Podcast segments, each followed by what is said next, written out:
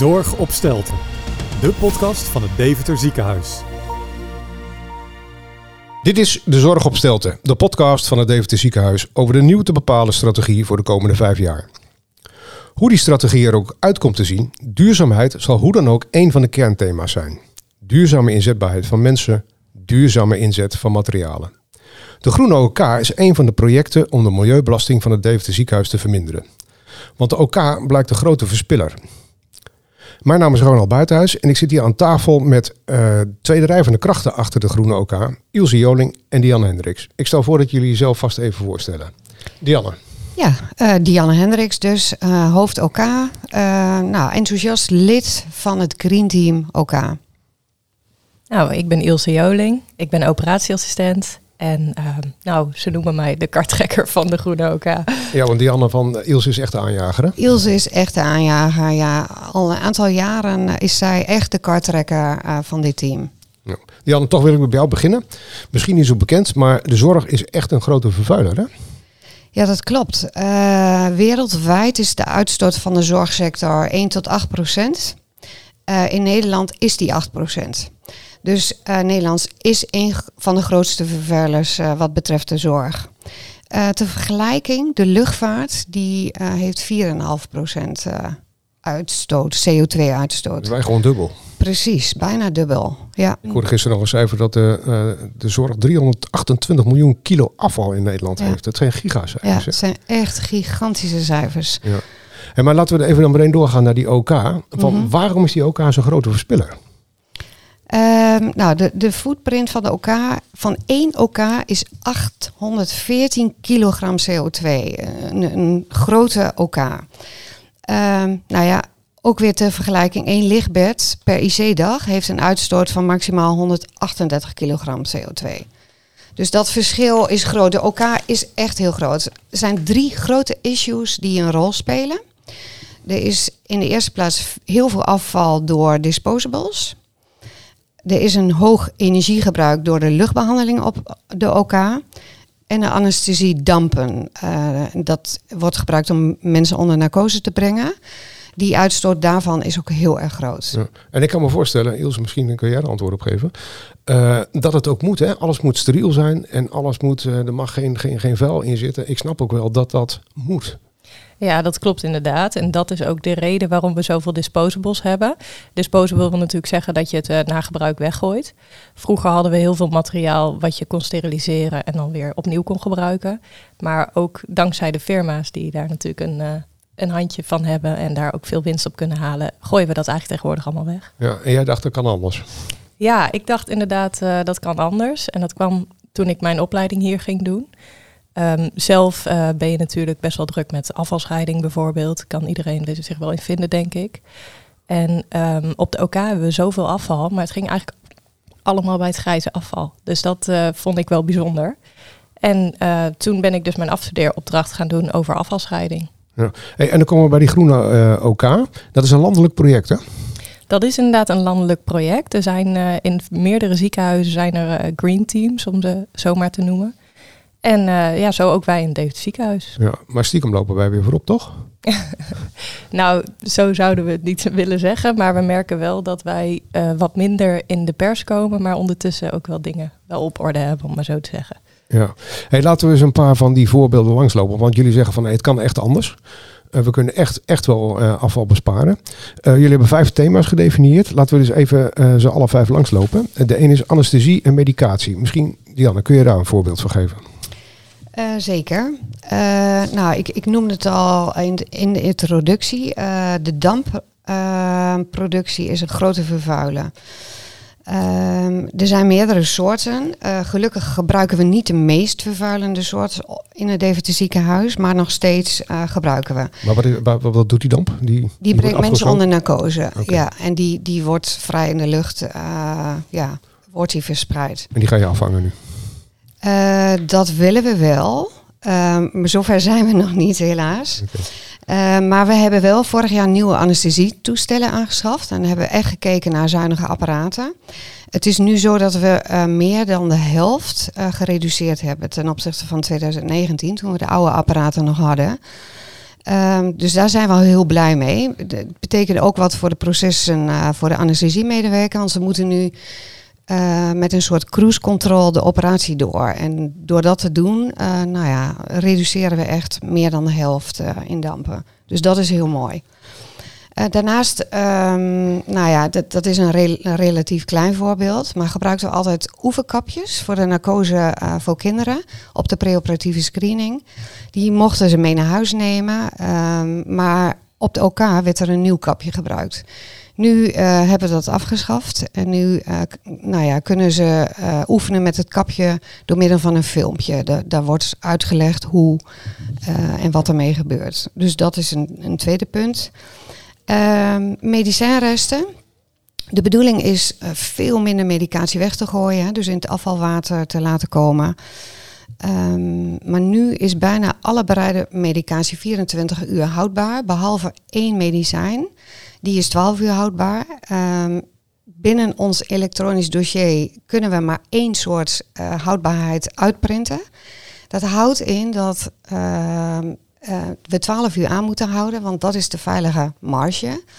En dat betekent dat heel veel medicatie die eigenlijk dubbele tijd houdbaar is, weggegooid wordt na 12 uur. En dat is natuurlijk heel bijzonder.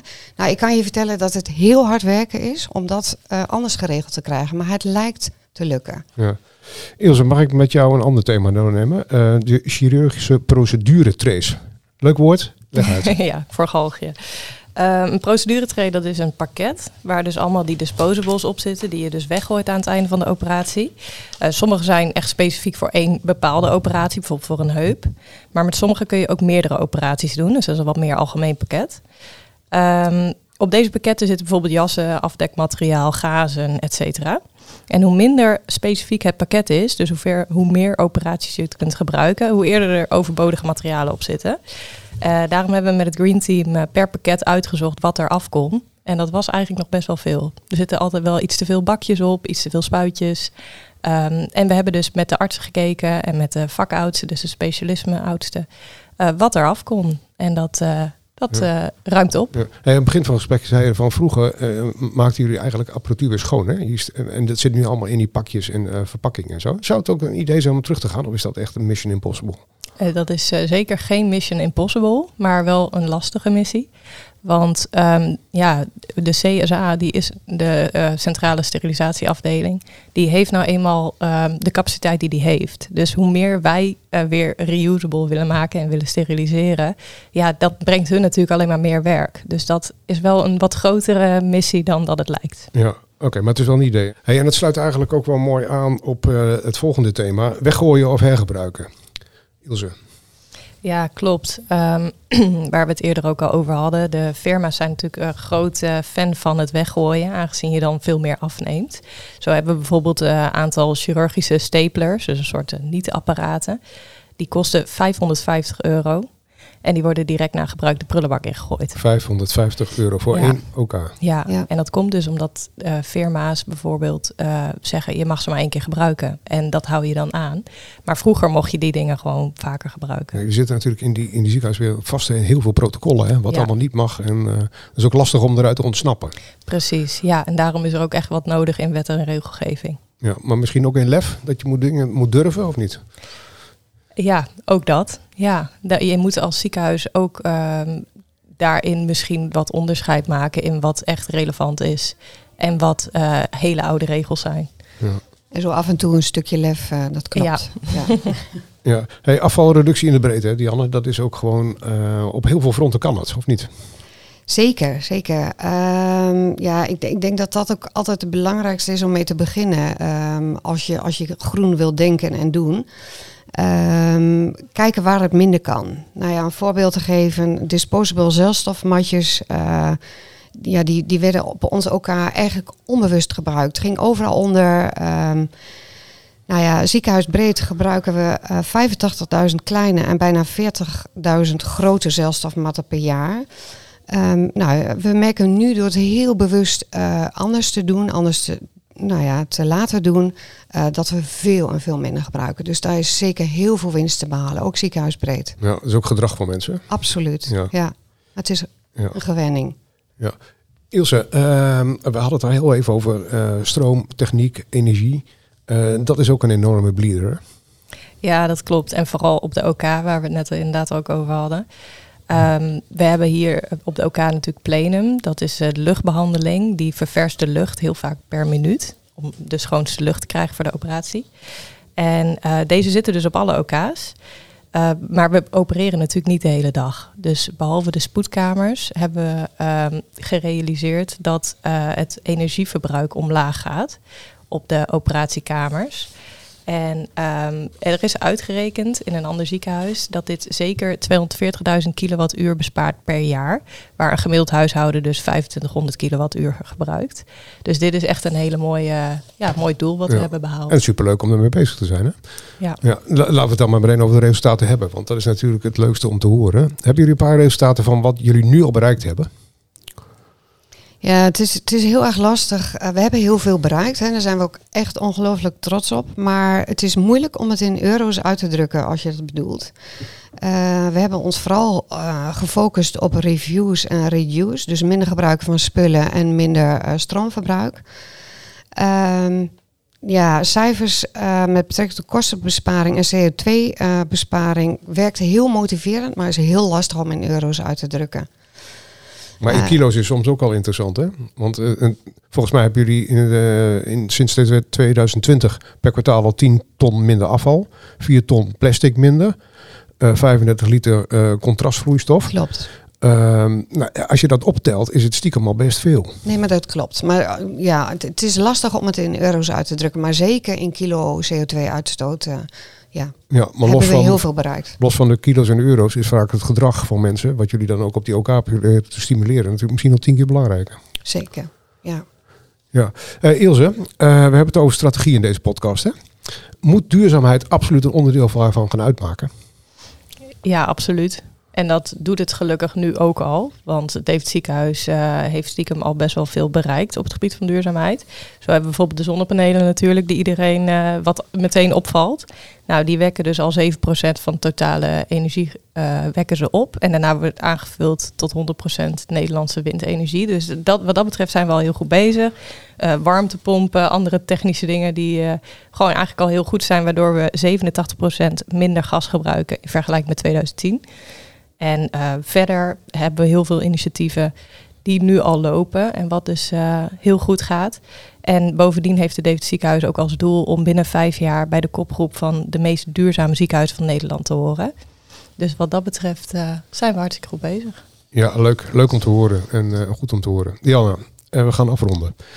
Heb jij, eh, want jullie dit, doen dit op de OK. Mhm. Jullie zijn een grote speler, daar is dan ook veel te halen.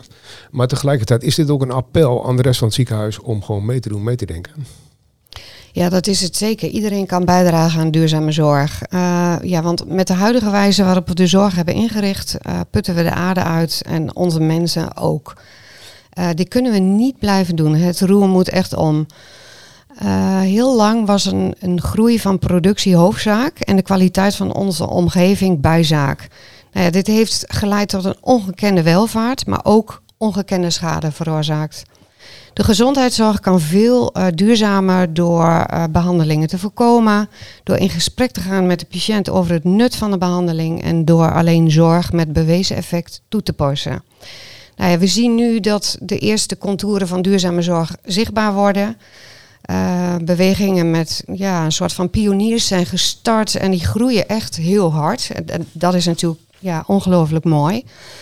Maar nu is het wel de kunst om duurzaamheid door te laten breken op organisatieniveau, landelijk, maar ook internationaal niveau. Eh, we moeten van kwartier maken naar kilometers maken. Nou, het zou geweldig zijn wanneer alle medewerkers van DZ zich af gaan vragen: hoe ziet mijn werk eruit als gezondheid echt bovenaan staat?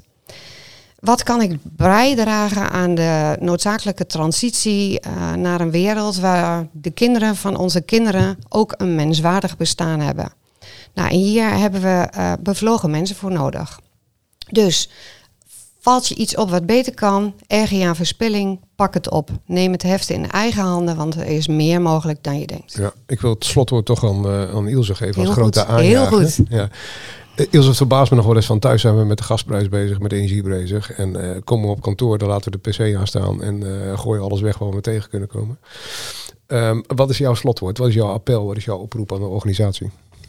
Ik wil eigenlijk vooral oproepen dat mensen op andere afdelingen inderdaad het heft ook in eigen handen nemen. Want ehm, ik heb zelf gemerkt, als jij met een plan komt en je zegt ehm, waarom doen we dit eigenlijk zo, dan is er echt heel veel mogelijk. Dus uh, ik zou zeggen, kijk om je heen, erger je niet, pak het op. Ja, en luister deze podcast vooral nog een keer na. Um, dat kan via de bekende kanalen, dat kan ook van uh, via onze eigen kanalen, via Deze Het Werkt.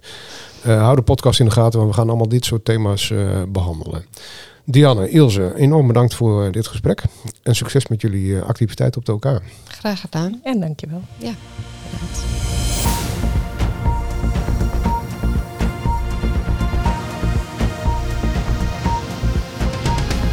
Zorg op Stelten, de podcast van het Deventer Ziekenhuis.